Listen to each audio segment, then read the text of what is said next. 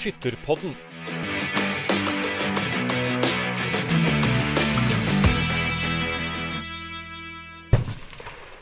Kjære Skytterpoddens eh, trofaste lyttere, og deg som stikker innom i ny og ne. Hjertelig velkommen til episode 50. Det er jo eh, et lite jubileum vi egentlig skal feire i dag. Og jeg innser nå at jeg burde faktisk ha kjøpt noen boller eller noe, men det gjør vi, har jeg ikke gjort, da. Så det får vi ta en annen gang.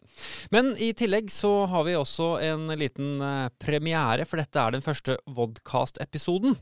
Altså en slags podkast med videoinnspilling. Klart det har vært noen, uh, noen uh, Teams-innspillinger under korona som ble lagt ut, så det har vært video før, men dette er den første formelle vodkast-episoden, så vi tester ut det. Så nå kommer altså denne episoden både på podkast, der du lytter til podkast, men også så legger vi den ut på DFS sin YouTube-side i sin helhet. Jeg vet ikke om det er sånn at liksom vi har noe behov for å synes mer enn nødvendig, men uh, vi prøver å slenge oss med på de trendene som er der ute. Så får vi se åssen dette også funker. Lyd og video sammen, i hvert fall. Der er vi. Denne episoden da, som vi skal gjennom nå, den har fått en arbeidstittel av meg. Det er i skvisen mellom to sesonger. Utendørssesongen er jo nå i ferd med å avsluttes, mens innendørssesongen er på trappene.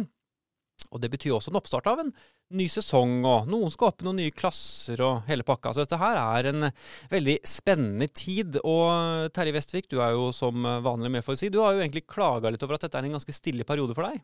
Nei, ikke klaga på det, men vi, vi opplever kanskje sånn litt sånn tidlig i september, når eh, elgjakt, da, som står veldig sterkt i landet, så, og annen type jakt også, at det blir litt roligere på skytterkontoret. Men det varer veldig kort. altså. Det var ei uke vi snakka i dag. Henrik jeg sa at det er roligere på telefonen nå, så jakta er i gang. og Da får man jobba litt i fred og ro. Men nå igjen så har det sparka av gårde. altså Vi er enig i det, Ola, at her er, går det et lag i et lag. Så det, nå er folk på bittet og klar for en ny sesong, denne innendørssesongen, og, og ny klassesetting nå da 1.10. Ja, du har nok å gjøre du, Ola? Ja. Det er litt roligere nå etter uh, Hadde kurs i helga som var, så ja, det blir litt, roligere en stund nå. Litt ålreit. For du har ikke jakta, du? Jeg jakter ikke, nei. Nei. Kun, uh, vet ikke jeg, et eller annet. Nye, bedre ting å gjøre ja, i DFS. Hva, hva jakter jeg, er det eneste du jakter? Ja. Ja. ja. ja. ja. Nei, men det, det, er bra. Det du jakter, for det er jo du Ja. som er egentlig rett inn i første del, det er jo gode klipp fra LS. Ja. For det som Ja. plutselig har dukka opp nå på NRK, vi må bare begynne der. Det viktigste nesten som har skjedd de siste ukene, er jo at NRK har lagt ut masse gamle klipp fra LS. Ja. Og det var du som eh, tror jeg både fikk Ja. meg og Terje på saken. Nei, det var Terje. Det var Terje, ja. neven din, Terje. Ja, selvfølgelig. Han fulgte med på NRK og fant ut at forrige mandag så ble det lagt ut Takk. nye episoder. Takk til han, for det, det har Jeg, Jeg har kost meg så fælt den siste uka, så det er ikke måte på. Har ikke, vært noe, har ikke sett kona og unga du nå på Nei, nei, jeg var, som sagt, jeg var på kurs i helga, da er det jo på kveldstid, så er jeg på rommet aleine. Så jeg har sett uh, fire-fem LS-ere nå.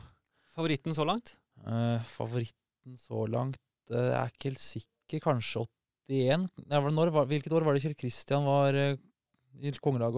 Og, 84. ja, ja, det er, ja. Ellers så var det ålreit å se Magne Landrød i 81. år. Det var ikke han som vant, men han var jo med der. Magne Landrød. 71, mener jeg. Ja. Mm. Ja. 71. 71 Ja. og Ola med også. Ola med Det var jo første som er med. Det er det gamleste jeg har lagt ut da, Ja. 1971. For de har ikke lagt ut alt. De har Nei. lagt ut eh, 71, 81, 84, 85, 89, 90, 91, 98, 2001 og 2000 og 2003, 4, 8, 13, 14, 15, 16 Ja, grei oversikt. Ja, ja, det tok jeg i huet. Jeg er på film. Ja, nei, jeg, så jeg har sett alt eh, til og med Jeg har, sett ferdig 1990. Du har sett alt til og med 1990. Ah, ja. Hvor langt har du kommet, Terje? For du satt oppe hele, hele natta, du. Ja, lørdag kveld var litt spesielt. Det Ola var på kurs, skjønte jeg, så jeg fikk jo masse meldinger fra Ola. Hva skjedde da, hva skjedde da? Så jeg satt jo lørdagskveld måtte begynne å se på de sendingene sjøl. Og mye har jeg ikke sett, men nå har jeg sett gjennom eh, mye artig fra gammeltida, som jeg også var med på sjøl. Litt morsomt når en leser eller ser fra 89 og, og 90. Og ikke minst kanskje 98 Steinkjer. Det var det hundrede 100. landsdelsstevnet. Så det så jeg mye av. Det er morsomme sendinger å se. Og ikke minst eh, når jeg da, altså det med Per Jorseth, kommenteringa i 71, og dette med Kjell Kristian. Du får jo liksom en sånn aura av gammeltida når du hører på Kjell Kristian også, som, eh, som døde fra oss i 2008, da, Sverre. Men eh, det er helt nydelig å høre disse sendingene. Jeg, jeg har oppsummert det ganske greit. Jeg syns vi må gå gjennom litt, men jeg har oppsummert det ganske greit. At det, på en, når du sitter og ser på det, så er det veldig annerledes. Ja. Men, når du, men, det er, men samtidig så er det egentlig helt likt. Helt som nå. Det er helt likt som nå. Det er når du ser på dem skyter, skyter med dårlig skudd, samme reaksjon, anvisningene får en nier. Skytterklær Skytterkla... Det er sånn standplass, de filmer arenaen i 1971 der. Det er, det er, ellers kunne vært i år, egentlig. Men så, samtidig har det folk på seg gamle klær, og det er et annet våpen. Eller så er det ganske mye Ja, det er, det er fascinerende å se på. Det er mulig at jeg er rar, men jeg syns dette er kjempegøy. Og de skyter jo akkurat samme programmet, og folk sier at det har skjedd så mye og endringer. Men vi har altså samme programmet siden 1971. Det var første gangen at omgangen ble sett på 75 sekunder med heving av sikringa på, på Ja. Det var jo noe du så, Ola, at vi skjøt på ild på feltfinaler tidligere. Da Ja. Edvin Aamodt skjøt før ild i 89, og likevel vant med 11 treff. Mange sånne ting. Men det at det også var mer dynamikk med at det skjedde mer, da. Det var åtter. Han gikk rett i nieren. Det er sånn. Han gikk rett i nieren, ikke åtter. Det var liksom veldig bra. Da var han trygg. Det er jo nesten på Ja. omgangen sånn i 84-85 men nesten applaus når du begynner i nieren på omgangen. Ikke sant? Det var sånn, Da var det Det var ikke måte på. Det, det, det er fascinerende. Lettelsens sukk når det bare var Ja, nier. det ikke sant? sånn der, ja. Og i hvert fall i samlagsskyting. De skjøt grunnlaget, da, for de har jo så visst jo òg da. Da var, gikk du i nieren da, så hadde du virkelig berga. Altså. Hvem var det som hadde i 89? Hvem var det som hadde 100 på samlaskytinga? I 80 Mette Finstad? Nei Ja, Det ble jeg litt usikker på. Ja. Var noen som hadde 100 da? Ja, det var i hvert fall nesten. Ja, Noe ja. sånn, var sånn der, vel, vel, voldsomt bra skyting. Ja. Ellers er det jo andre ting som var morsomt her. Det er jo den derre omskytinga om stangfinalen i 81. Hvor de sitter, ser veldig bra for TV, da. For at det, det er filmet fra sida. De skyter bare på gress. For den som er kjent på Bestemorenga, så har du liksom nedafor skytter... Det må være der det har vært. Nedafor skytterhuset her nå, så er det en sånn gressletter. Jeg tror de skøyt derfra. Eh, og da filmer hun fra sida, litt forfra fra sida. Og publikum, de sitter jo altså De sitter jo foran på høyresida av der de ligger og skyter. Og er, Så noen ting er endret. ja, og det er jo er sånn. Men de finner ut at det er dumt, da, for de skyter vel om Så de får beskjed om da i kommandoen på da de skjøt, vet ikke om de skjøt lang eller kort holdskytt, at nå må alle trekke tilbake. For folk satt jo liksom foran munningen, liksom. Det, ja. Så Altså, Jeg har jo åpenbart ikke sett så mye som dere. Det, det, det visste jeg, men det innser jeg jo veldig nå. For jeg har bare sett 71 og 89, tror jeg, og bare kongelag og prinsesselag. Men ja, det var mye spennende her, altså. jeg har sett alt, ja. Og ikke minst 89, da. Så, som da jeg har sett, så er det jo veldig spennende å se. Rett bak Ski 1 i prinsesselaget, der sitter en meget ung og lovende Terje Vestvik. Der sitter han i mokkasiner og rett, som kommer rett fra Bajasso der. Jeg var sendt ned for Tove Sverkmo, har skive 1. Ja, Det var fra fra Trønderavisa, faktisk. Ja. For å dekke det journalistisk. Så ja, eh, ja da. Jeg må jo vise jeg Ja, ja, ja, jeg vet ikke om det er, men det er, det er noe sånn Jeg føler det er litt sånn trønder over det. Hvite tennissokker, litt kort bukse der. Mangler skinnvesten, Ja, det kanskje? er, ja, det, er, det er ikke det du har på deg. Det er noe, noe tynt over skuldrene her. Vi kaller det skinnvest. Det er skinnvest. Det er lys olabukse. Siste år med Krag Jørgensen òg. Altså det jo- var jo nostalgisk år, eh, 1989, med rydningen som konge. Det er artig å se de bildene, det er det ingen tvil om. Og ikke minst den arenaen oppå Grokjønn der. det var det jeg som skulle trekke fram. var så trang at vi, uh, vi kjørte jo innom noen vi var evige sist, og så på Grokjønn. Der er det blitt lekepark og helt annet. Høyt og lavt. der er noe klatrepark. Klatrepark, ja. Ja, Og at det gikk an å ha et lunsjunderstand med over 5000 deltakere på det. Det var jo bare litt asfaltstripe bak der. Ja, ja, for når du ser, også, det jeg, når jeg ser på det her, da, så er det én ting hvem som vant og sånn, men jeg ser jo, når jeg har vært med på LS mange ganger nå, på, fra arrangørsida, så ser jeg liksom på åssen de gjorde det med visitasjon, det åssen de gjorde kommand, hører på kommandoene. Blant annet så blir det, sjekker de jo ja, De gjorde det også i, i 89, i hvert fall, kanskje 98. Liksom om de har lada opp bare med fire patroner da, i den hurtigladeren. til- Sånne ting ser jeg på. Men akkurat den arenaen på, på Grokjønn, heter ikke det? Mm. Bare se på skivene. Det står i trapper oppover. Ja, det, det la meg jeg merke til Og, også. ja. Og var det et ju nesten mellom? Det er jo eller? vann der, vel? Vann. Ja, Ja. vann. Ja da. Så det, og det, det var jo en kort til 300 skal sies da, vi var 280 meter, mens 100-meteren var veldig lang. Den var nesten 120 meter. Så det var Det var veldig noe- krevende 100 meter og lang og kort. Rykter om at det var ikke skive 1 og skive 50, eller den var ikke like langt heller på den banen, kanskje? Ja, det var vel vel ikke før din tid, men Ja, det, var ikke så veldig, det var ikke som på Steinkjer, for å si det sånn, i 87. ja. Der var det mye, mye verre. Du kan kritisere med det nå som Ja. du ikke ja. Ja. Altså jeg synes jo, For jeg er jo litt annerledes. Jeg ser heller på hvem som vinner og den tinga der. Og det var veldig spennende med omskytingen i 89, da. Mellom Rydningen og Landrud. Landrud kunne bli konge for fjerde gang. Eh, Ja. og Rydningen eh, tar det, tross alt, da. Mm. Eh, en av de siste som også har vunnet. Han er vel, lurer på om Rydningen er den siste som har blitt Norma-vinner som konge. Ja, Det kan være, kan være helt Ja. riktig. Mm.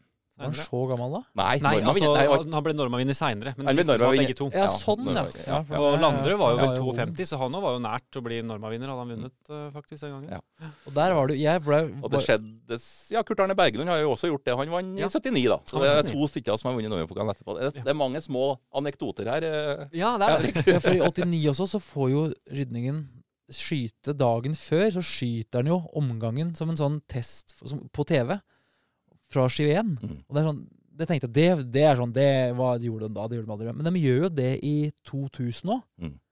Er det ikke Arnt Erik Aune Mm. som skyter For jeg tenkte at det er litt sånn usport, altså, få prøvd skiva og alt det der. At men, ja, det tror jeg ikke jeg hadde gjort nå.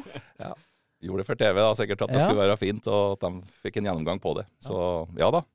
Skjedd mye før. Det er godt noe har blitt eh, bedre, da.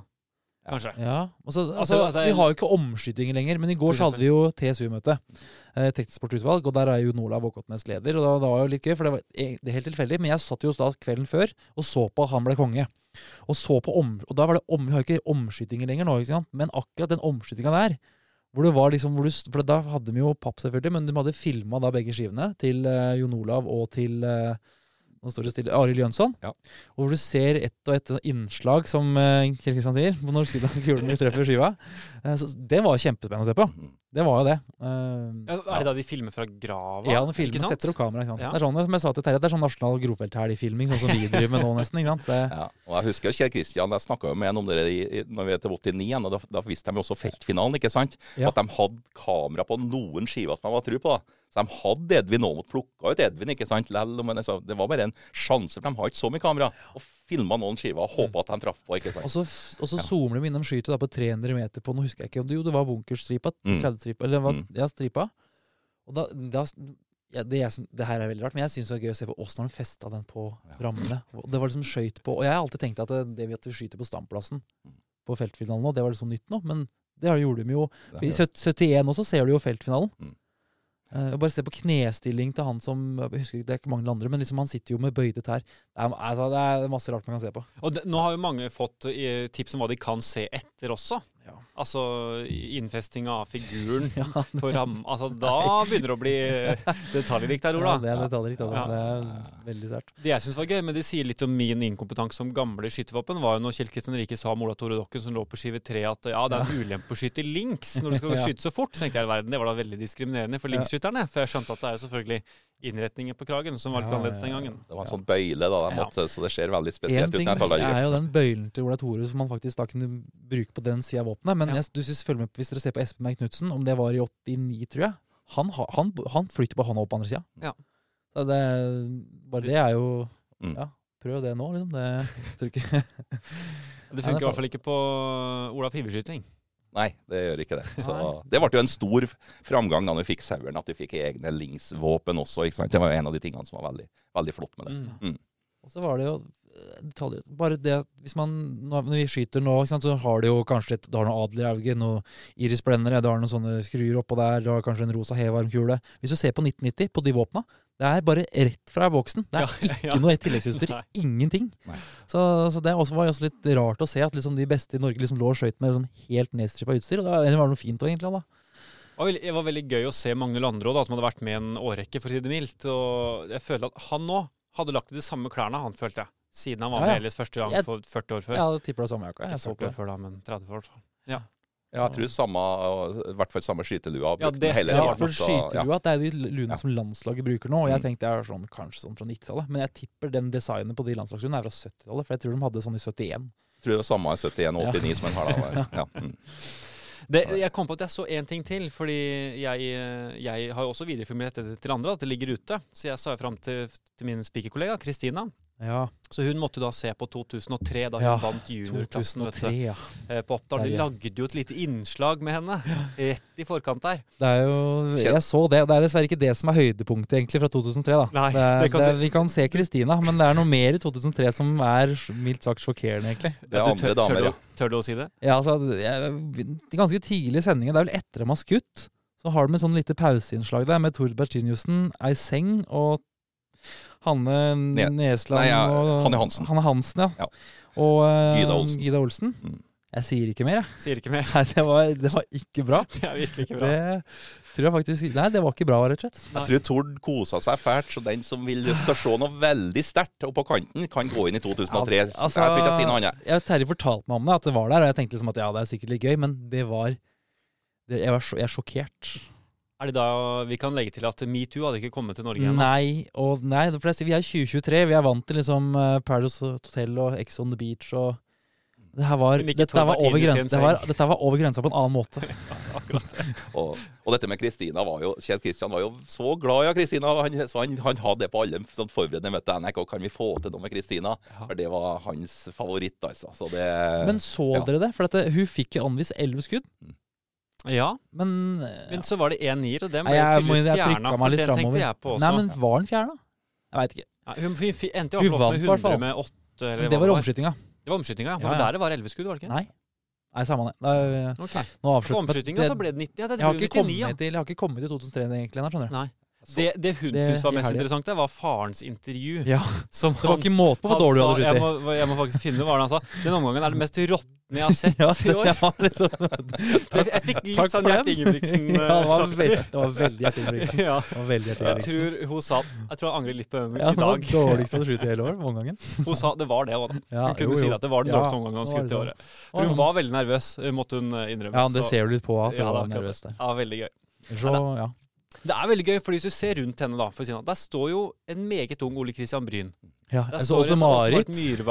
Altså, det er jo morsomt å se de Ja, som i dag er, og har vært lenge nå, gode. Som unge og Men det lovende mennesker. Og det gjelder jo alle. Ja, det gjelder jo når du ser fra 81, 84, 85 år. Her når er jo dere i dag òg, som veteraner Ja. eller som litt mye eldre utgaver. ikke Ja, sant? Men du er ser, Bare for å ta den, eh, ja, den omskytinga jeg har med Edvin Aamodt Nå har ikke han vært med de siste åra på LS, men Steinar Rudsæter, Ja, Roger Ottosen, det. Som skal ut, ikke sant? Det er, jo, det er jo folk, og Ola Trolle Dokken, og det er jo sånne folk som vi er med i dag også. Jeg må si, Det overraska meg litt når jeg så det kongelaget fra 89, hvor mange navn som ikke nødvendigvis er Mm. veldig oppe i kongelagskjemping i dag, men faktisk er gode Ja. på LS i dag òg. Altså. Overraskende.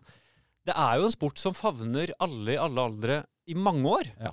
Det er jo bra. da. Vi skal ja. se det positive siden av det. Og så så, du en eldre bare Jeg sa Ola Tore Dokken, en mye eldre enn i 2003. Da han var, da var han var litt gæren på meg for at monitoren var på feil side. Jeg husker det. Ja, ja, Han var ganske sinna. da var han litt sint. ja, Og da har hadde han enda ikke blitt konge! Og da har vi sittet og sett på han i 20 Ja, Ja, nettopp. år etterpå. det. Og det, det tenkte jeg også på når vi Ja. snakker om alle de som ikke har blitt konge ennå, Mm. og som kjemper og kjemper, enn f.eks. Ole Kristian Bryn, for han har nevnt et navn her allerede. Så ta, kan det ta litt tid, da. Mm. Ja, ja. Faktisk. Ja, du... Og han ble jo konge i 2014 sist, da. Ja. Altså Ja. 25 år etter eh, Kristiansand. Ja, og Men- da, Mm. Og det er, en ting som jeg tenker på, det er jo de samme navna, men det er et skille der etter at saueren kommer inn. For jeg begynte så vidt begynte å se på Eller sånn For at du har, det er en del skyttere som blei krag... Som liksom forsvant med saueren. Sånn som, som har vært gode, sånn som Bente Omestad, som, som jeg aldri har hørt om før. Hun er vel nesten på alt. Hun var kanskje ikke 71, men det var nesten. Ja. Du ble glad i Mai Hamnes, Hadde Mai? Hamnes. ja. Ja, og så bare legg merke til Mai Hamnes, hvor liksom sint du er hver gang vi får en mil. Liksom bare rister Ja, ja, ja. og slår med hånda. Det er liksom Det, var kjempegøy. Og så, Vi har ikke nevnt det, vi kan snakke om det her i hele episoden. Og doping. 1984-1985. Kjell Kristian sitter og sier at for at i 1985 så ble det forbudt med metablokker, men det var jo likevel en skytter som uttalte det at ja, men jeg bruker det likevel. Altså, det, Du må se det i den tida, Ola. ja, man må jo det, men likevel det er, Ja, det, det er gøy. Fascinerende. Det er morsomt at NRK legger det ut, tenker jeg også. Ja. Fordi det er jo litt krevende, både kostnad og ressursmessig, å få dette fra teip, altså bånd, Ja. til digitalt. Vi må de lage noe, ha noen sånn kampanje på sånne Vi vil ha resten, vi vil ha mer. Ja. Ja, det er helt Nå sikkert. ser jeg på det her som liksom, Dette er en TV-serie for meg, så jeg begynte på sesong én. Så liksom jeg kommer litt utover det, det blir som å se liksom Game of Thrones sesong én, fire, fem, sju. Ja, må ha alt Ja, med en gang. Jeg må absolutt. ha, se riktig rekkefølge. Men du er godt i gang, da. Ja, det må vi godt i gang. da. Ja. Ja. Så, Det er høstferie snart nå, så jeg skal få se resten da. Er det ikke også da unge har høstferie? Jo, men de skal på hytta et par dager før meg, skjønner du. Så da planen klar Så du skal jobbe? Jeg skal fikse noe på garasje. Det er artig også å høre på kommentering. Altså, sånn som hvordan Per snakker. ikke sant? Ja. Og det er litt sånn finere språket. Mm, ja. Dette henger Det er med det at det var veldig sånn bokmål. Og Kjell Kristian og måten det kommenteres på. Mm. Og da i 84, også da Kjell Kristian var i kongelaget, gjorde Ja. ikke noe godt, men at Per da måtte rykke inn. Fra ferie, som en er tydelig på også. Her må jeg dra fra ferie for ja, ja. å kommentere. ikke sant? Så det er Altså- liksom å kommentere kongedager, som var var Kristian Og det som jeg syns var gøy òg, var at for at jeg var på kurs her, som sagt, og da hadde jeg med Bjørn Trudvang og Tor Harald Lund. Og da, vi snakka jo om dette og så på det selvfølgelig litt da òg. Og da, jeg trodde jo det, at når en liksom Per Josef sitter ved siden av standplassen bak veggen der, liksom at han bare gjorde noe sånn ut av det. Men han sitter jo der og kommenterer på ordentlig. Ja, ja. Ja, det, det trodde ikke jeg. Nei. Og det, for, Du trodde det var jo- opptak? Nei, jeg, jeg trodde bare Han sitter jo liksom bare rett Ja, ja. bak standplassveggen Ja, ja, ja. her og liksom kommenterer. Jeg trodde liksom det bare var lagd fordi nå kan liksom Kristian ta over. ja, riktig. ja. Uh, men så sa jo Nola det i går også, at når han ble konge i omskytinga, så hørte jo han at Kristian ropte når han skøyt omskytinga. Ja. Så han trodde jo at han hadde hørt at han ble konge, men han visste ikke helt sikkert. Satt Så- helt inne med standplassen. Ja, ja, ja, der kameraet var. Han gjorde det, for Ja. han hadde best oversikt til Kristian også. Så det, på det tida. Mm. Nei, vi, vi må Vi hadde ikke mer å snakke om? Jeg Jo, men resten vi kan droppe det. Nei, men anbefaler Det ligger jo veldig lett tilgjengelig på NRK TV. og Bare strykke Landsdelsstevnet der, så kommer alle episodene. Så Ja. det, det er å anbefale hvis man har litt lite å ta seg til, og man kan bli hekta. Det Faktisk. Det er det, som, det er det som er problemet. Nei, nettopp. Ja. Fordi jo mer du har å gjøre, jo mer tid får man til sant. Det er min erfaring. Jeg ser 2006 ligger her. Ja, men det, mm, det blir spennende. Jeg gleder meg. Ja, gjør som Ola. Finn fram NRK TV-appen og dra dere gjennom de gamle. Og det eldste er jo da fra 1971. altså. Da snakker vi svart-hvitt. Men hva kan vi forvente av eldre ting? Kan vi forvente noe før 71? Ja, absolutt. Det, var, det begynte jo i 63, så det, de har jo opptaket. Så det, her er det muligheter for gamle ting. Det skal Ja. sies at den gangen så var det ikke alltid like nøye med å ta vare på opptak, og du kunne spille over og sånn. Så det er jo en del ting som Altså det er ikke dermed sagt at de har alle landslagsutøverne fra 1963. Vi skal jo ha 1963. sånn evalueringsmøte på NRK snart. Så dette, først punkt én der er at jeg spør når kommer resten. Vi kan LS 2024, blås samme det. Jeg skal vite når resten kommer. ja, det, ja, det er godt du har eh, hva heter det, prioriteringene riktig. Ja. Ja. Nei, men eh, da tror jeg vi runder av den biten, ja. Som var et sånn lite tillegg i dag. Skulle ja. du ha litt sånn artig. Ja, men jeg vet at du gjerne skulle bare prat- prate om det, Ola. Men eh, du kan jo gjøre det på den Ja. eh, Bare for å, bare for å avslutte, altså, det, er, det er et arkiv der, så jeg har vært på det arkivet. For jeg, var, jeg fikk tak i er på alle, Marienlyst. fikk tak i alle kongelagene til Ole Torre Dokken dagen med konge 84. Da fikk jeg gå i det Konge arkivet der sammen med en sånn reddas. 04, eller? 04, Ja. Når den ble 04. For at da har vi en sånn, det var en sånn fest for den etterpå, og da fikk jeg lite opptak av alle kongelagene. En sånn ordentlig sånn reunion. Hvor har du det nå?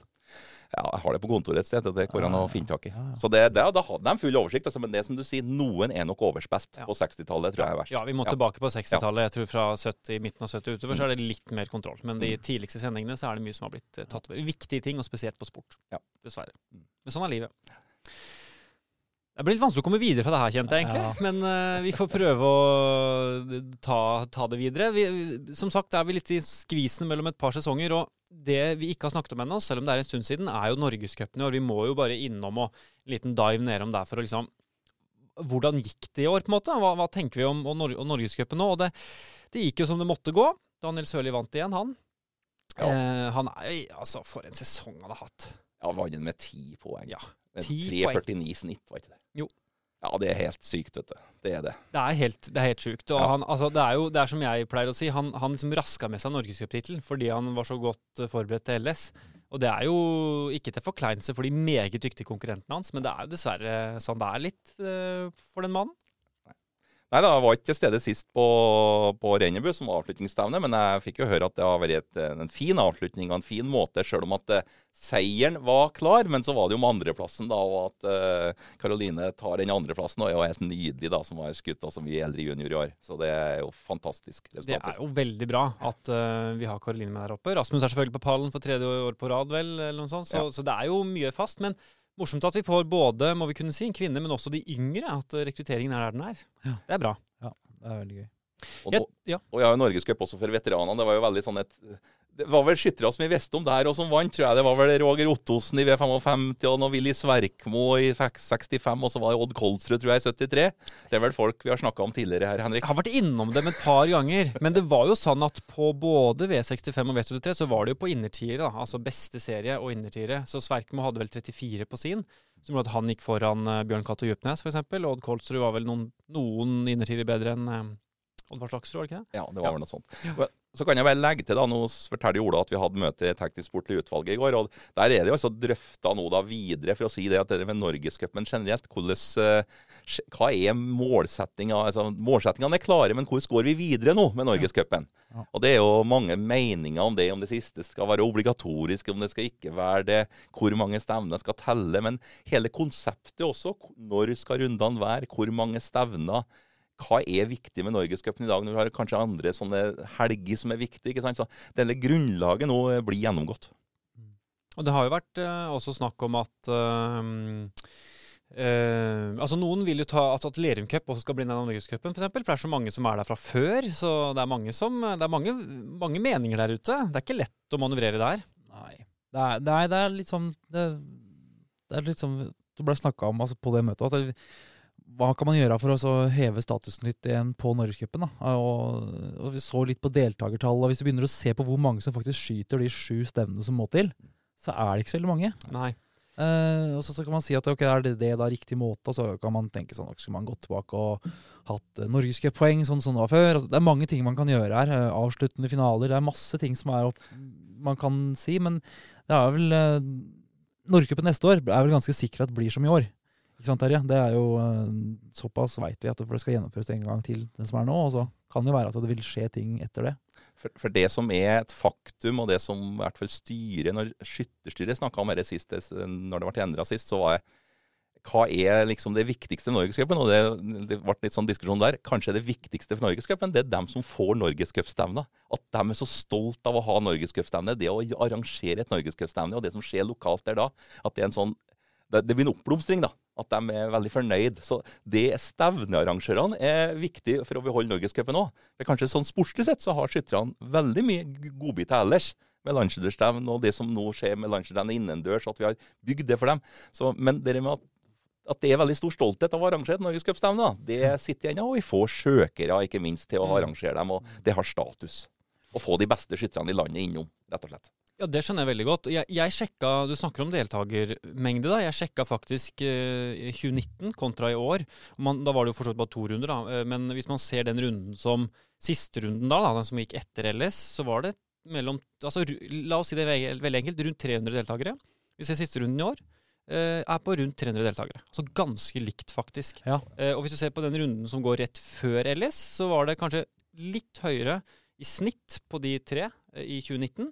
Men eh, ja, gans, ikke veldig mye lavere i 2023, altså. Nei, så, nok, så, an, eh, så de som gjør Norgescupen, det virker som det er en det er det. Det er i hvert fall en, en gjeng, da. Ja, det er, eh, men tenkte jeg spesielt på de kanskje i andre klassen, av 55, 63 og 70, 65 og 73.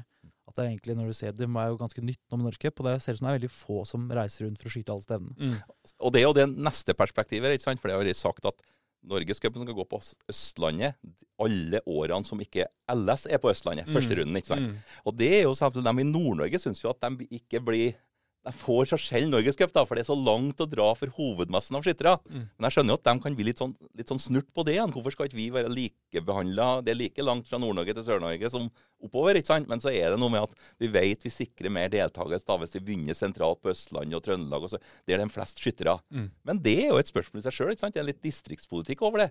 Uansett. Ja, vi får masse færre deltakere opp i Nord-Norge, men de må fortjene denne Mm. boosten med å vise fram sine anlegg, få de beste skytterne eh, på besøk. Så dette er en diskusjon også, altså, hvor du legger stevnene. For Nord-Norge får jo knapt nok et eh, stevne, og det er som regel vært det siste stevnet, da, eh, og med lav deltakerantall. Kanskje hadde det vært flott å lagt første runden også til Målselv en gang, eller et eller annet sånt. Så, sant? Og da, så hadde jo mange sikkert tatt seg en Nord-Norge-tur, da. Men det, dem som bor på Østlandet, de skytterne der, Mm. de liker ikke en sånn tanke. Det er de veldig tydelige på, altså. Ja, og sånn er jo Det er brutalt, da. Og så, så, så er det jo Nå er jo veteranene med. Det har jo vært en diskusjon, det òg, selvfølgelig. Eh, ungdommene har jo også vært en diskusjon sist gang det ble diskutert. Eller i hvert fall det ble diskutert for noen år siden. Sju-åtte år siden kanskje. Så var det vel snakk om at man ikke skal ha for mye press. Og Mm. eh, det poenget der, eh, gjelder det fortsatt, tenker vi, om ungdommer Norgescup? Ja, det er ikke noe snakk om det at de skal fortsatt komme i Norgescupen, men det er jo, det er jo opp som et tema, da. ikke sant? Og hvor går den grensa? Ola, du har vært mer i det i forhold til rekrutteringsutvalget. Det, ja, det, det handler liksom om det at eh, når man er ungdomsskytter og skal Det vi legger det som i langtidsplanen og sånt ligger til rette for, er at ungdommene skal ha et lokalt stemmetilbud. At du skal kunne delta i ditt nærmiljø. Uh, på, og slippe å reise rundt, for det koster jo penger der, ikke sant. Uh, og ja, vi har jo vi har nå, ikke sant, som er, uh, hvor man kan delta. Uh, Landsskytterne inne og ute. Og det koster penger, bare det. Uh, og, så jeg ser på det som ganske lite sannsynlig at det kommer til å bli Norgescup for ungdomsklassene, egentlig, sånn sett. Uh, Det er kanskje ikke det største presset på det heller, eller eh, ønsket? ja, Det er litt sånn i perioder. Om er den store massen ønsker det, det tror jeg egentlig ikke. Eh, Det, eh, det, vil, ja. det, er, det, er, det er viktigere at laga nå at laga ute har liksom fokus på at de ungdommene som skyter, at de får skyte stevner eh, der de bor. da. Mm. Eh, Og nå har vi fått ett topparrangement til nasjonalt med landslagsstevne innendørs. så Vi går, så det har gått fra ett til to arrangement, også de klassene. Altså det er liksom hvor mange sånne sentrale arrangement du legger opp til med reising, som Ola sier. ikke sant? Først og fremst er det lokalt stevnetilbud som er viktig. Mm. At de deltar der og begynner derfra. Og så, ja, og så er det liksom litt sånn, Man går tilbake igjen og ser på hvorfor Norgesgruppen ble oppretta, så var det pga. PR osv. Men, men jeg tenker også at man kan at det, Hvis vi ser på Norgesgruppen, hvem er den for? Og det er kanskje for de beste seniorskyttere av Norge. ikke sant? At Mm. de skal ha et tilbud. Så kan man tenke sånn, ja, men vi skal være en breddeorganisasjon, og det er liksom Mm. ikke de vi skal legge til rette for. Men de beste skyttere i Norge også er jo også viktige forbilder for eh, mange, både voksne skyttere og ungdomsskyttere. De er med på også de, de, altså DFS-skyttere, som er liksom, de som er med på nordisk, de som er gode, de er veldig flinke på å dele kunnskap, spre kunnskap. Så det at dem eh, Og det, det er jo gode for de laga de er i, samlaga de er i. Så det at de beste skytterne våre har et tilbud som eh, de syns er motiverende, som som en gulrot i sesongen, det tror jeg er ganske viktig. Så derfor, derfor tror jeg kanskje at man i framtida burde tenkt litt mer på å spisse Norgescupen enda mer for de beste skytterne. At ikke det skal være et breddearrangement, da, egentlig. At det skal være for de beste. Det, kanskje, høres kanskje rart ut at jeg sier det, men det, det, det er viktig at vi, for at vi skal ha den store bredden vi har, så må vi ha noen som går litt foran og er litt forbilder. også. Apropos sånn som vi snakka om nå, de gamle LS-sendingene. I gamle dager også var det de store forbildene. Du hadde Magne Landerød, Bjørn Solberg. eh, og de som liksom var de som folk så opp til. da, og som kanskje det at Hadde du Bjørn Solberg i laget ditt, så skapte det litt mer aktivitet. Det merka jeg bare. Vi hadde jo i Urskog hadde vi Daniel et år. ikke sant? Det, det gjør at folk kommer litt mer på trening, kanskje blir mer med på, på stevner. Vi trenger de store, de toppskytterne våre. Eh, og nå har vi ikke sant, ja, så mm. tror Norgescupen kan være viktig der. Jeg tror det er en eh, fin overgang, fordi jeg har tatt en prat med Daniel, som jo vant Norgescupen og ble konge. eh, Men han eh, kunne ikke være med når vi spiller inn dette her, så jeg har tatt en prat med ham på forhånd. Så får vi høre, da. Kanskje han har noen tips til deg som ikke nødvendigvis skyter for å bli best heller? Ja, da har jeg fått med meg Daniel Sørli.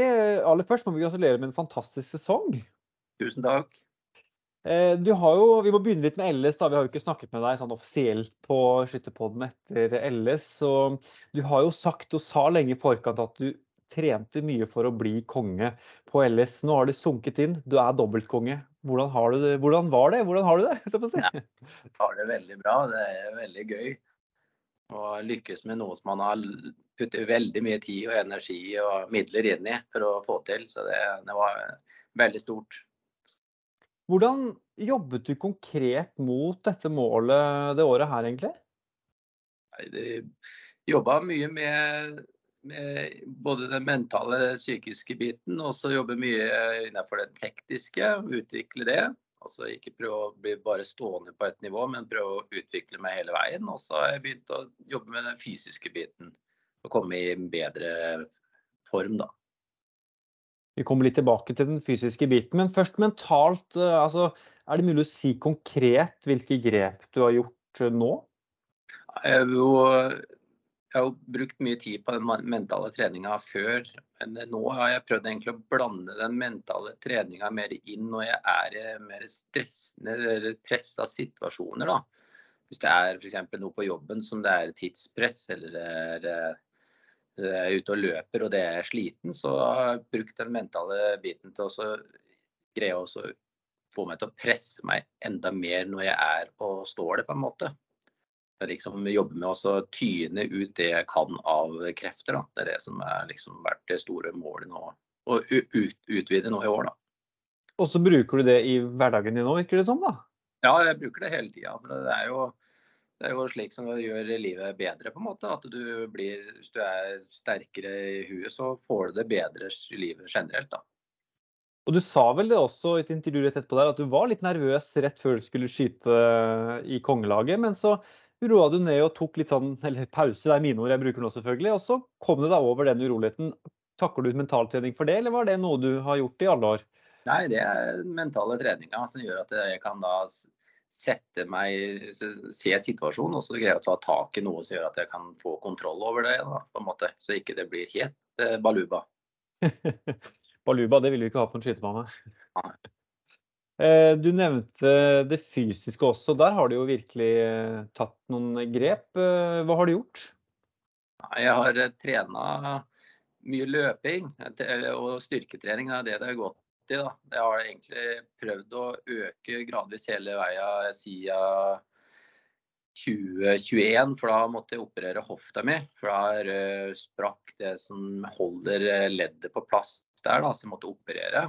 Og jeg, da begynte jeg å trene mye styrketrening, og så har den fysiske biten med kondisjon og sånn kommet i tillegg. Og det har jo, syns jeg, gitt ganske enorm utvikling da, på å greie å holde trykket og presset oppe i lengre perioder. Da.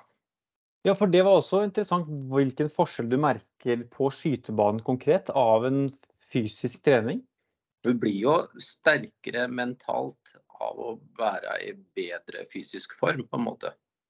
Hvis du, greier å løpe sånn som i starten, altså du skal løpe en halvtime, så må du jo pushe deg sjøl. Du må jobbe med huet for å løpe en halvtime. og så Neste gang så skal du løpe 45 minutter, og så øker det sånn. Så du jobber liksom med hodet hele tida for å holde deg i gang på et fin fart og belastning. Da. Så det er mental trening det er rett og slett også å løpe òg. Ja, og det har ikke bare blitt 30 og 45 minutter. Du løper jo til og med halvmaraton i Trondheim eh, denne høsten her. 1,58 et eller annet, var det vel? Utrolig bra tid. Gratulerer med det òg. Fornøyd med det. Jeg har løpt det én gang før. for I 2017 da brukte jeg to og en halv time. Jeg greide ikke å løpe hele veien, men nå løper jeg hele veien, så jeg er veldig fornøyd. Hva var målet på forhånd? Det var to timer. Og det klarte du akkurat? Nei, jeg åpna altfor hardt. Det, og smell, så de siste tre kilometerne var ordentlig fæl, men jeg kom meg i mål. Det er god mental trening? Ja, det er fantastisk mental trening. Men jeg kan si at jeg var mer sliten før grunnlaget på landskytterstevnet enn jeg var når jeg hadde de tre kilometer igjen på halvmaraton der. For det er eh, det trykket som blir på landskytterstevnet, det er helt spesielt. Så det er nesten vanskelig å gjenskape. da. Det er interessant. Man tenker at en halvmaraton, en helmaraton, en halvmaraton skal være ganske mye mer fysisk krevende enn å skyte, men eh, det er ikke det, altså. Det var helt eh, ødelagt omtrent når jeg var ferdig med den 25-skudden på Landsskytterstevnet. Det kokte over, så jeg husker at eh, etter jeg var ferdig med utstyrskontroll og sånne ting, så heiv jeg av meg klærne og så hoppa jeg ut i den elva som var bakom der i Voss for å kjøle meg ned. Og det hjalp? Det hjalp, ja. ja, eh, Før vi avslutter med maraton, blir det helmaraton neste år, eller? Jeg skal i hvert fall løpe noen flere halvmaratoner. og Hvis jeg får til det bra, så skal jeg prøve å Målet må være å løpe en helmaraton til slutt, i hvert fall. Ja, kanskje, det må bli kanskje skogsløp må bli med maratonlengder nå? Skal man klare å henge med her? Nei, det tror jeg ikke. Å, så bra. Um, hvordan, du nevnte det jo litt, da, men det er sikkert mange som er interessert i dette med den fysiske biten også. Det er jo noen eh, som har sagt, sikkert med glimt i øyet, at eh, det å skyte er å ligge mest mulig stille lengst mulig. Så det med fysisk trening det er bare tull. Det er selvfølgelig sagt med glimt i øyet. Men hvordan ser en vanlig treningsuke sånn omtrent ut for deg nå? Nei, akkurat nå for tida så løper jeg sånn ca. tre-fire ganger i uka. Og så skyter jeg to tre ganger ca. i uka. Det er liksom det det ligger på. Ca. to ganger skyting og tre-fire ganger med løping. da, Og så styrketrening litt sånn innimellom. da, Enkel styrketrening. Hvor langt løper du? Har du noen på en måte faste runder, eller? Jeg er ikke så veldig glad i å løpe intervall, da, så jeg løper mye litt, litt lengre og litt sånn jevnt. Så sånn ca. én mil da, om gangen jeg løper.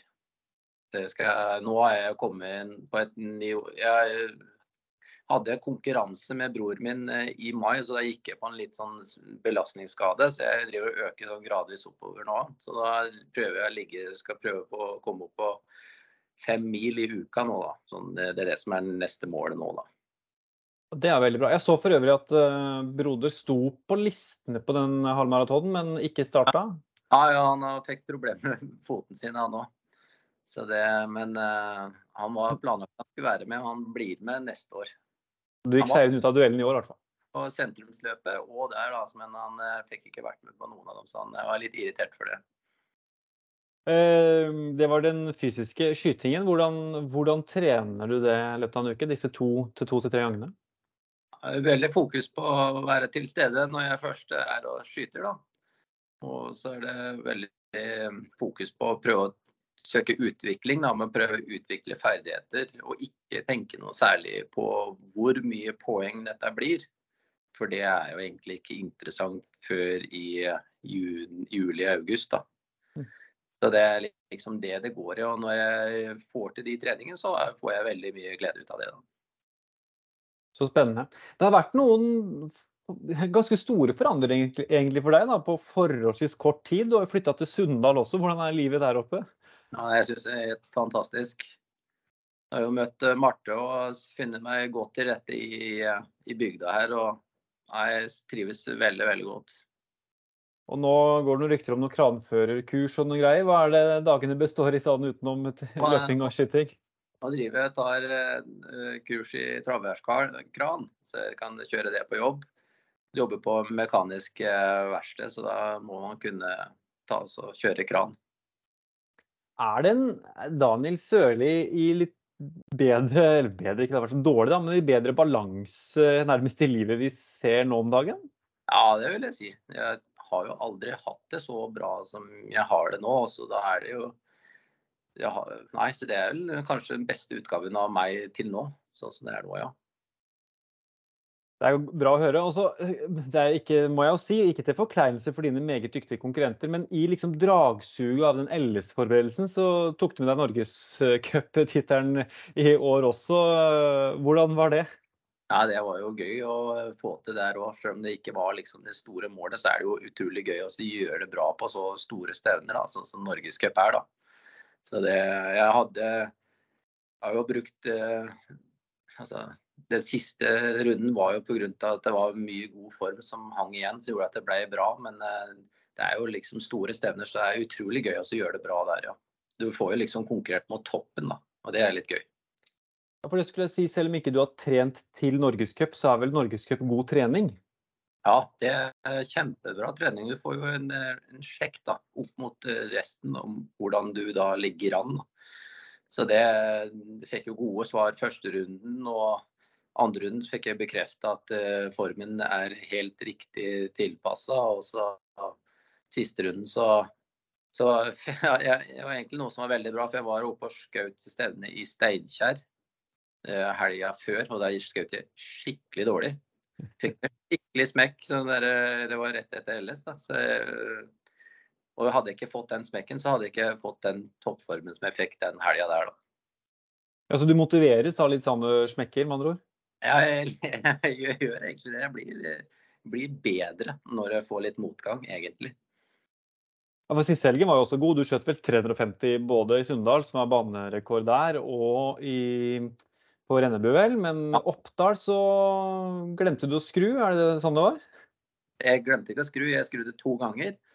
Jeg, har, jeg, skrur som regel når jeg steller meg opp i stående, så skrur jeg to knep til høyre for å kompensere. Og da skrudde jeg to knepp når jeg lå ned på magen og reiste meg opp i stående. Og så rett før han sa klar om ti sekunder fra nå, så tenkte jeg skrudde jeg eller skrudde jeg ikke? Ja, jeg skrur en gang til. Og da fikk jeg helt skeiv serie på 48 der, da. Ja, 48 er jo innafor, men jeg skjønner at med en som skyter til 50 til vanlig, så er 48 ikke det man er ute etter. Men prestasjon, prestasjonsmessig så var kanskje det det beste stevnet. Sånn sånn teknisk. Så det, det, tar jeg med meg. Og mye poeng det er ikke så viktig, på en måte.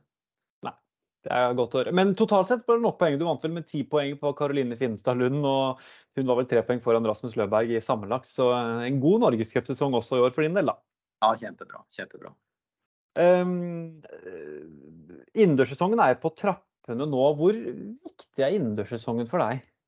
Det er jo en, en, periode som brukes mye til eksperimentering da, i forhold til stilling og taktikk og litt sånn egentlig på den mentale biten med å teste ut. da.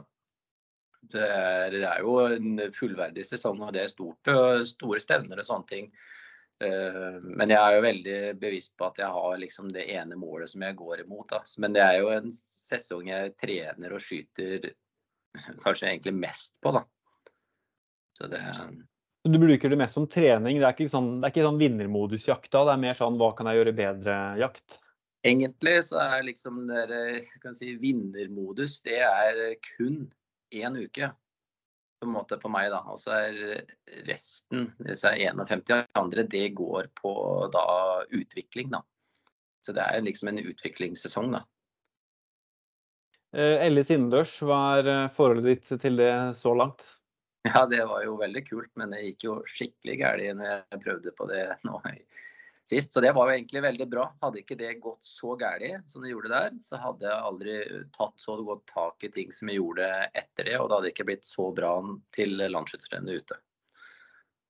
Jeg hører det er mange ting som motiverte deg til det som var årets LS og en vi må kanskje si ganske suveren eh, kongetittel. Eh, Du gikk jo ganske dårlig i fjor, du var litt syk, du ble motivert av det.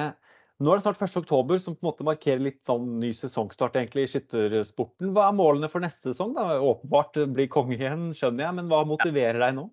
Ja, det er jo det å få til en topprestasjon på en gitt dag, på en måte. I da er det vel i ju, juli neste år, da.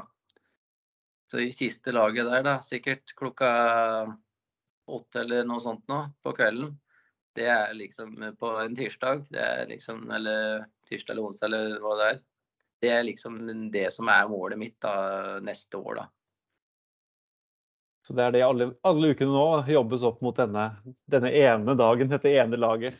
Jeg har valgt å legge alt, alle liksom Det er fint å ha mål, mange mål, men jeg, jeg har funnet for min del at det er best å legge alt i en pott. da, altså Bare satse alt på det, og så dømme liksom sesongen litt etter det. da. Det har jo fungert godt. da. Seks kongelag på rad og kongetittel to ganger. Og du er vel allerede en av favorittene til neste år, hvis ikke det skjer noe spesielt. Så du har Det. Eh, Daniel Sørli, takk for at du er med på å løfte skyttersporten til eh, stadig bedre og nye høyder. Og vi venter 2,50 og 3,50 på LS. Det kan du fortsette neste år. og Det er ikke utenkelig at det blir deg, det heller. Nei, Det kan, det kan være veldig mange som kan få til det. Og så igjen, gratulerer og tusen takk for praten. Tusen takk. Ja, Daniel han er jo en eh, fin fyr, så han har hodet på rett plass, ingen tvil om det. Men det som jo er med Daniel, da, som vi snakket litt om uh, før intervjuet, dette med at det er for det beste. Han har jo ett mål eh, som han jobber mot, og det er LS, som han sier. Han har den ene uka, eller egentlig det ene laget han jobber mot. da. Så kanskje man skal understreke at Daniel, San Daniel jobber er ikke for alle. Det må man kanskje si. Han er ganske beinhard. Det, er- ja, det, er, det er gøy å høre på, egentlig, hvordan, hvordan han tenker. Altså. Det er det. Så vi får bare si det at uh, det handler også om å ha det gøy. Det er ikke bare det å vinne det nødvendigvis handler om. Du må kanskje si det, ja. Ja, Det er bra at ikke vi har veldig veldig, veldig mange i organisasjonen her som bare skyter landsskytterstevne og satser på den uka. Det, det er viktig, det. Men ikke Ja. sant, igjen, som jeg sa i stad, sånn som Daniel er jo forbilder og er med på liksom også, sånn som nå, nå har han fått han oppe i Sunndal. Jeg er sikker på at det kan bidra til at det laget der så får en liten løft. Vi trenger sånne rundt omkring. Absolutt. Så var det spennende, det jeg synes du har snakket om, dette med hvor viktig fysisk trening er. Det er jo noe som er viktig, så ta dere merke av det. Et viktig element. Og han har jo løpt eh, Vi må innom det, da. Han har jo da løpt halvmaraton nylig, nylig eh, Terje. Det gikk jo på et eh, 58,29, var det ikke det? Hva tenker du om det? Ja, det var i Trondheim, så jeg kunne faktisk eh, gå bare ut og se på den. Jeg, jeg så ikke den, den sprang sikkert forbi, vi var veldig nærme, men eh, det var et bra tid, det. Eh, og, og, det og det, han valgte jo det i stedet for å skyte nordisk òg, ikke sant? Han kunne jo vært på nordisk mesterskap. Så du kan jo nesten si det at det var et valg, det òg. Så du er beinhard da med prioriteringene. Men eh, det, syns jeg er bra, for jeg skjønner jo at det der med noe hofteproblemet gjør at han også vil springe og gjøre det godt. Så, men jeg utfordrer ham til å prøve en hel en nå. Nå har han jo sprunget en halv en, så det må han jo prøve seg på en hel en og se hvordan det går. For det har du gjort. Jeg har prøvd å sprunge en hel en, og det er en helt annen eh, greie. Og den gangen altså, sprang jeg en halv i Oslo, og den tror jeg var på 1,59 og nå, så ja, ca. samme nivået da, til, håper jeg. Ganske tøft den i Oslo, da. Ja, Du er jo en løper. Jeg har ikke løpt, men jeg veit jo at å løpe halvmaraton i Oslo, det, den er tøff, ja.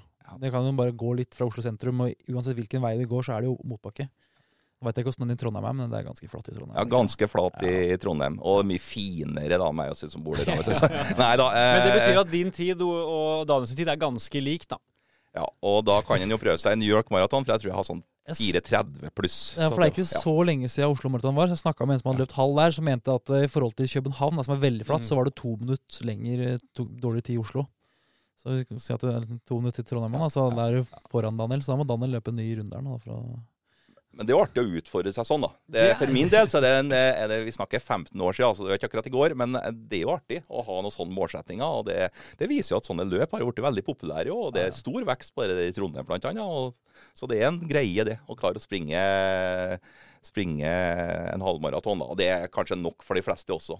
Jeg så en ble nummer jeg tror jeg sjekka i går, 1475 av 2176 deltakere. Og da er både kvinner og menn da, slått sammen.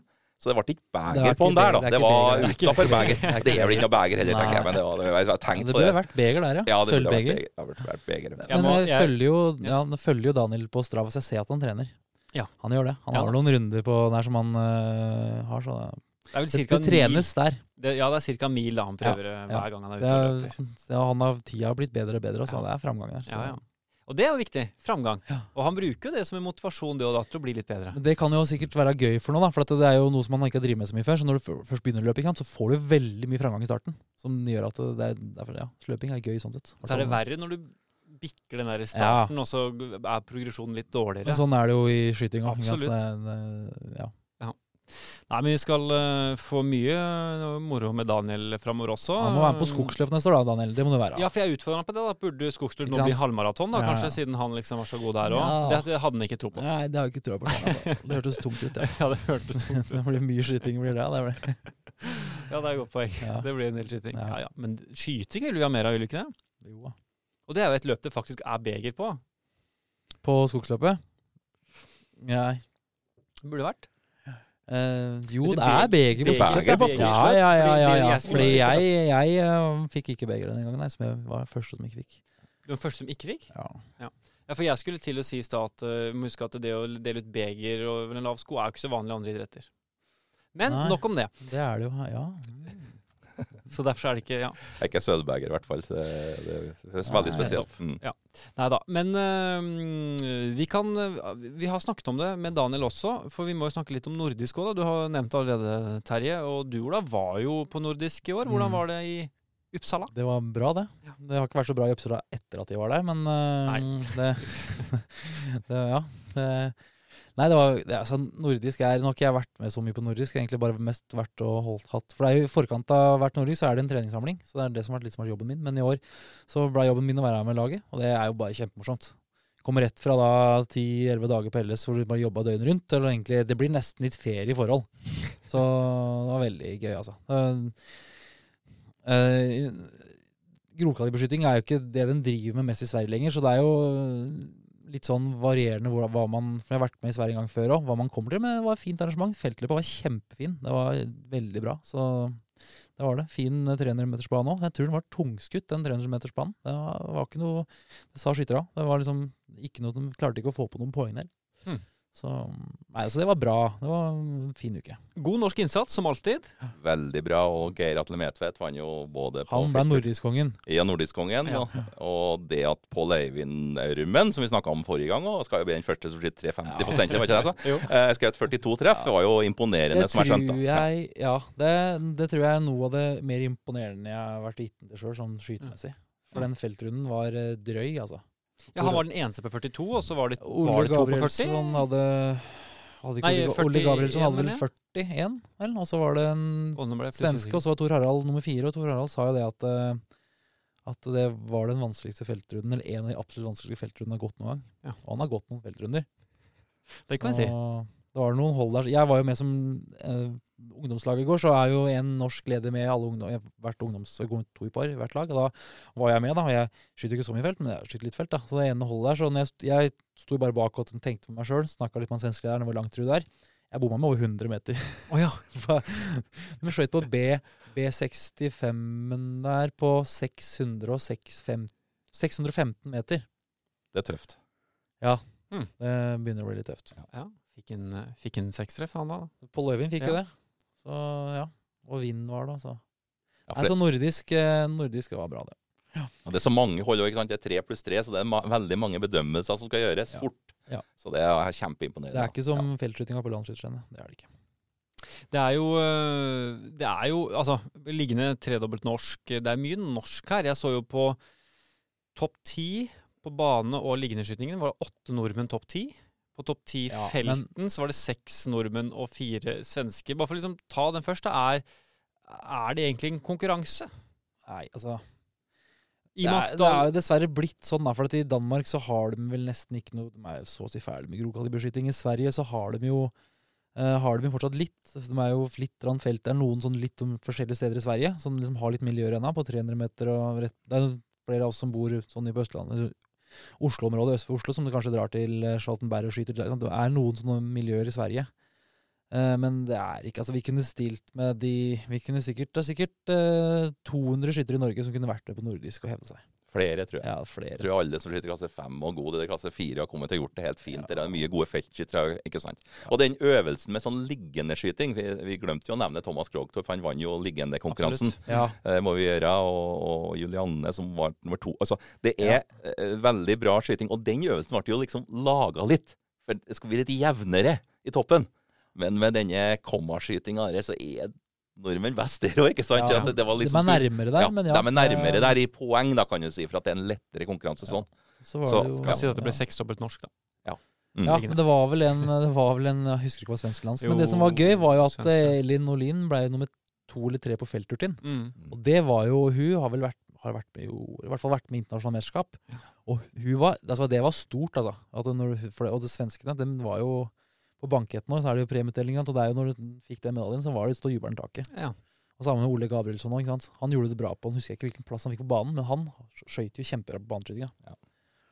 Men, men har, har nordisk da en, en leverett som konkurranseform når eh, vi uansett kan vinne med nesten hvem vi stiller opp med? se på det sportslig sett, sånn, ja, men det, handler, det er veldig viktig for det nordiske samarbeidet. da, ikke sant? I forhold til at uh, vi får utveksla erfaringer, blir kjent. Og så det som skjer kanskje på nivå over også, blant ledere. At, uh, for det er jo viktig, sant? sånn som når vi er inne i det med blysakene og kulfang og alt det greiene her. Det er sånne ting som man er avhengig av å samarbeide med nabolandene om, og da er nordisk en arena for det også. da, At man blir liksom uh, Ja.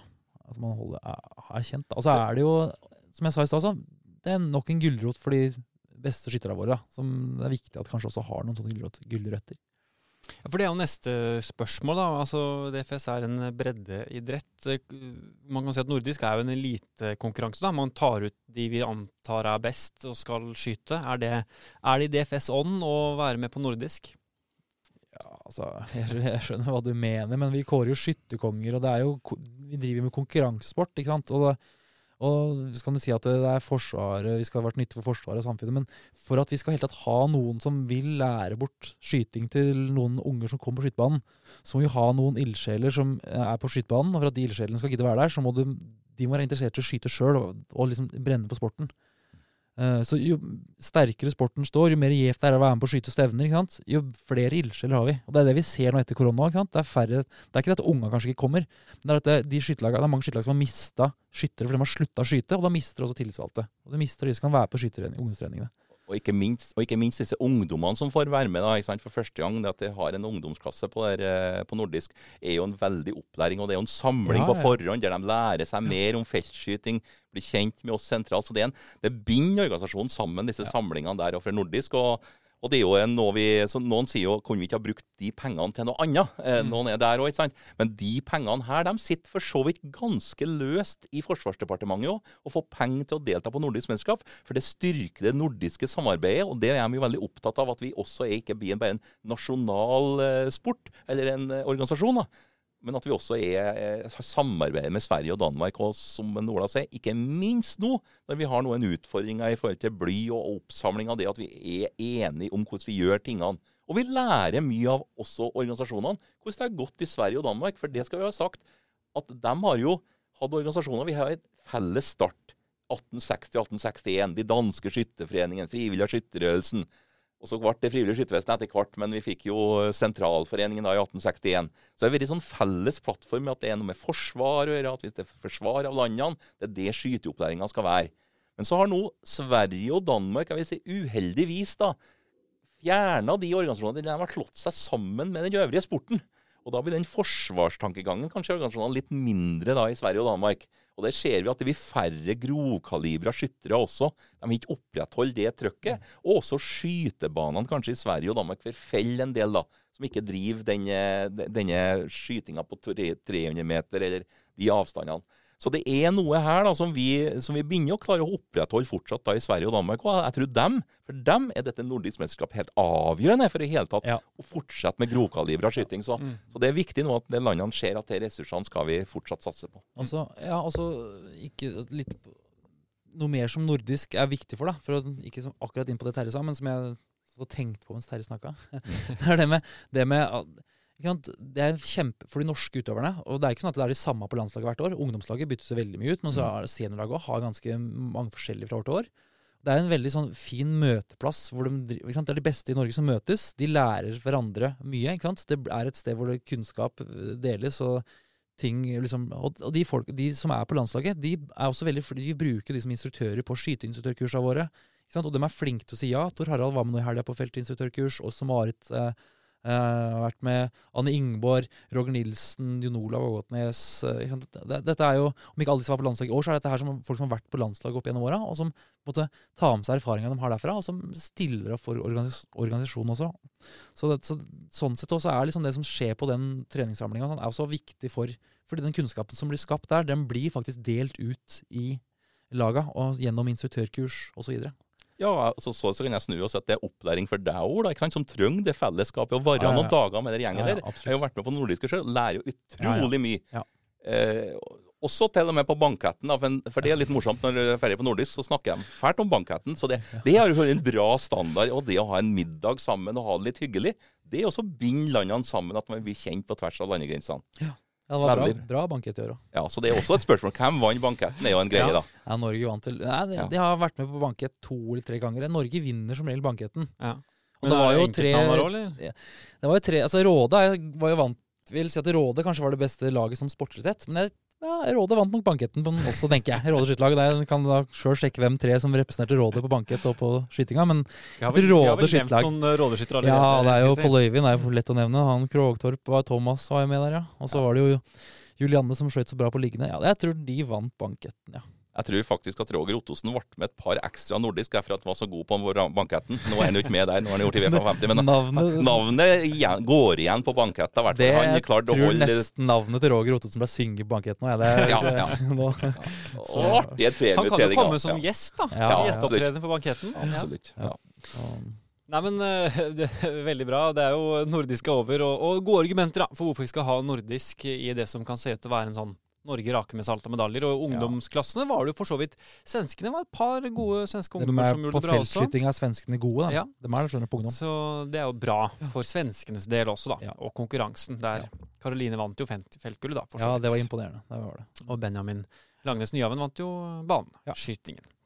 Så vi har nevnt det også. Eh, tiden flyr, karer, når man har det hyggelig. Så vi må bare kjapt innom, fordi vi står jo på trappene til en innendørssesong. Vi må ikke glemme det også. Vi må snakke om, kan ikke bare snakke om det som har skjedd, for det har jo vært mye av det hittil i denne episoden. Vi kan snakke om det som kommer også. Nå skal vi trekke inn. Det begynner å bli kaldt og mørkt ute.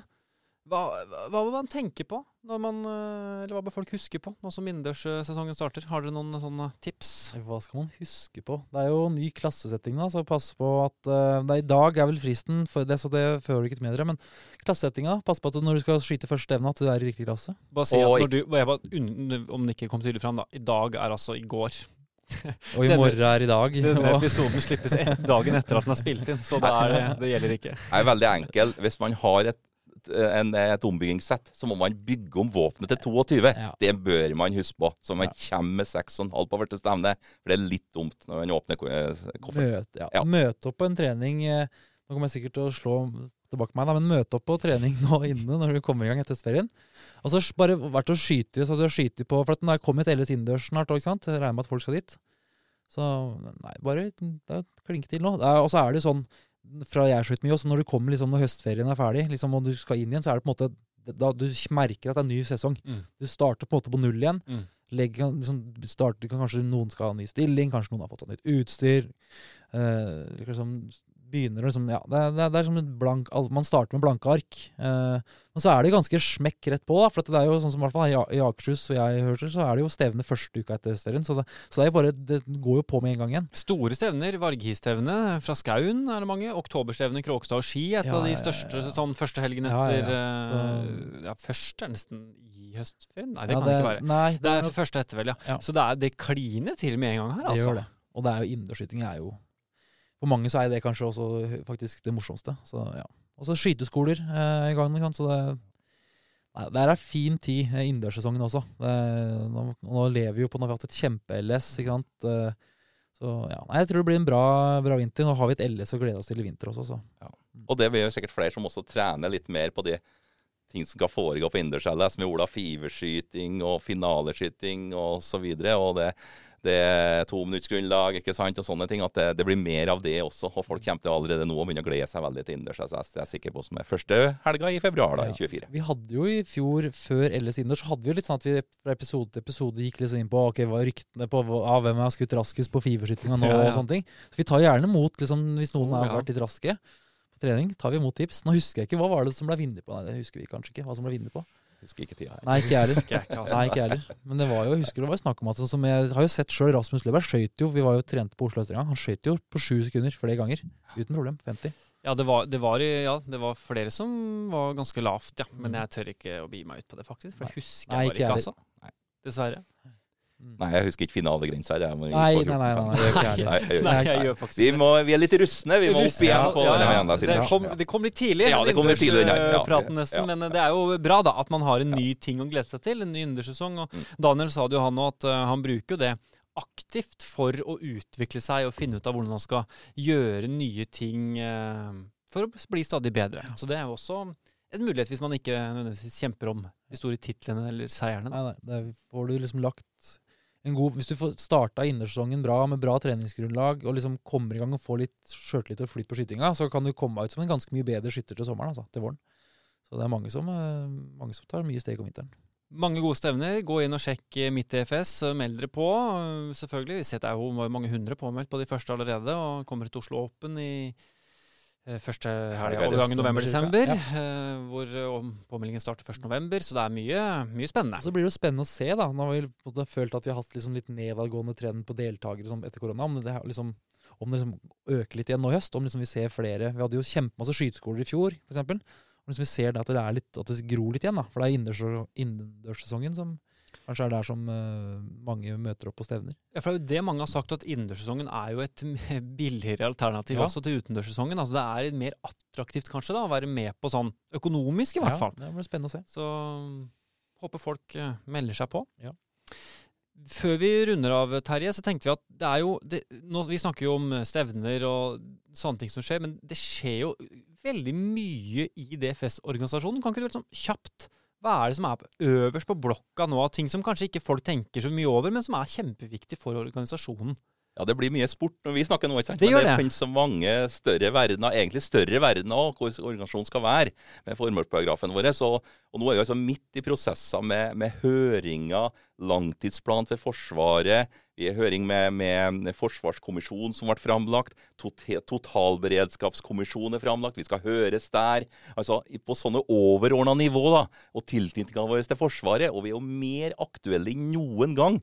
Stortingspolitikere kontakter oss. Vi er liksom i det nå. Hva kan vi gjøre? Hva kan det frivillige skyttervesen bidra med i totalberedskapen? Dette slagordet til Ola Five, 'best å være budd', at vi er med som en organisasjon som betyr noe der. Og Det kjenner jeg på gjennom alle mine år på skytterkontoret. Nå så har vi kanskje aldri vært så aktuelle som per i dag. Det medfører et stort arbeidspress da, når det forventes mer av oss. og Generalsekretær Jarle Tvinnerheim jobber lange dager for tida, altså, så han skal få seg en ferieuke nå. Og For det å få på plass alle det der, for det er viktige og alvorlige spørsmål vi snakker om også. Og ikke minst det som Ola snakka om i stad, med blysaken og det oppfølginga der mot EU og regelverket der. Det må man være nøye på, og man være etterrettelig i alt man skriver. Så det er, er, en, det er mye som er konsentrerer seg om det. Og dette er jo noe som styrer også da får på sitt bord og, og, og jobber med. Så, sånn sett er det veldig bra nå at vi har fått et teknisk sportlig utvalg som kan ta seg av mye av den sporten, eller i hvert fall forberede seg til det. Mm. Og så kan styre og holde seg på en del sånn overordnede spørsmål fra organisasjonens framtid. Og de jobber også nå da med en strategiplan som skal gå til 2030. Hvor er DFS i 2030? Og tenk disse lange tankene visjon, målsettinger. Så det er jo artige prosesser og viktige prosesser for en organisasjon, stor organisasjon som det frivillige skyttervesen. Ja, DFS blir utfordret mer nå, for de er mer aktuelle, som du sier. Det er jo spennende. Og vi, vi har planer om å ha med presidenten selv, Kari Sofie Brøndbo Fiskum, i en episode litt seinere i høst. Så da er det naturlig at vi går litt dypere inn i disse viktige tingene for organisasjonen DFS, som vil ha påvirkning på den enkelte skytter der ute i en eller annen form, mest sannsynlig. Så det, det kan kanskje virke kjedelig, men det er ganske viktig. Det er veldig viktig for Ja. organisasjonen. Det er kanskje Ja. det absolutt viktigste Ja, for det er- en organisasjon. Men når vi snakker her, sport og de utfordringene der, sant, det det med hverdagen min. Det er virkemidlet vårt for å nå målsettingen om å få flest mulig skyttere. Det det er det absolutt viktigste virkemidlet vi har. Det å ha skytebaner og med alle skytterne som kommer Det er jo flaks da, at noe så gøy som skyting også er så viktig. ikke sant? Det, vi må jo se det sånn. Ja, vi er, heldige, vi er, vi er mye heldigere enn all annen sport, vil jeg si. Som er at vi er så Altså, viktige. jeg, jeg liker fotball, men fotball er liksom ikke så viktig. Så det vi gjør, er jo skyttersaken er viktig. Veldig godt poeng. Ja, Mm. Det var en poeng. f- fin avrunding, det. Ja, fin, ja. Nå skal Ola hjem og ha hjemmekontor resten av dagen, for det er flere heldige som ikke har sett på NRK nett-TV. Så det er viktig. 50 episoder, det er en god start, det. Men vi har ikke noen tanke om å gi oss der, så vi er tilbake seinere. Gi meg et, oss et vink hvis det er noe dere tenker vi kan snakke om. E-post eller Facebook-melding, et eller annet, så er vi der, vi. Jeg fikk ikke kjøpt noe kake, da. Vi får kjøpe det på vei hjem, tror jeg. Tror bare sier takk for oss, jeg. Og så god innendørssesong.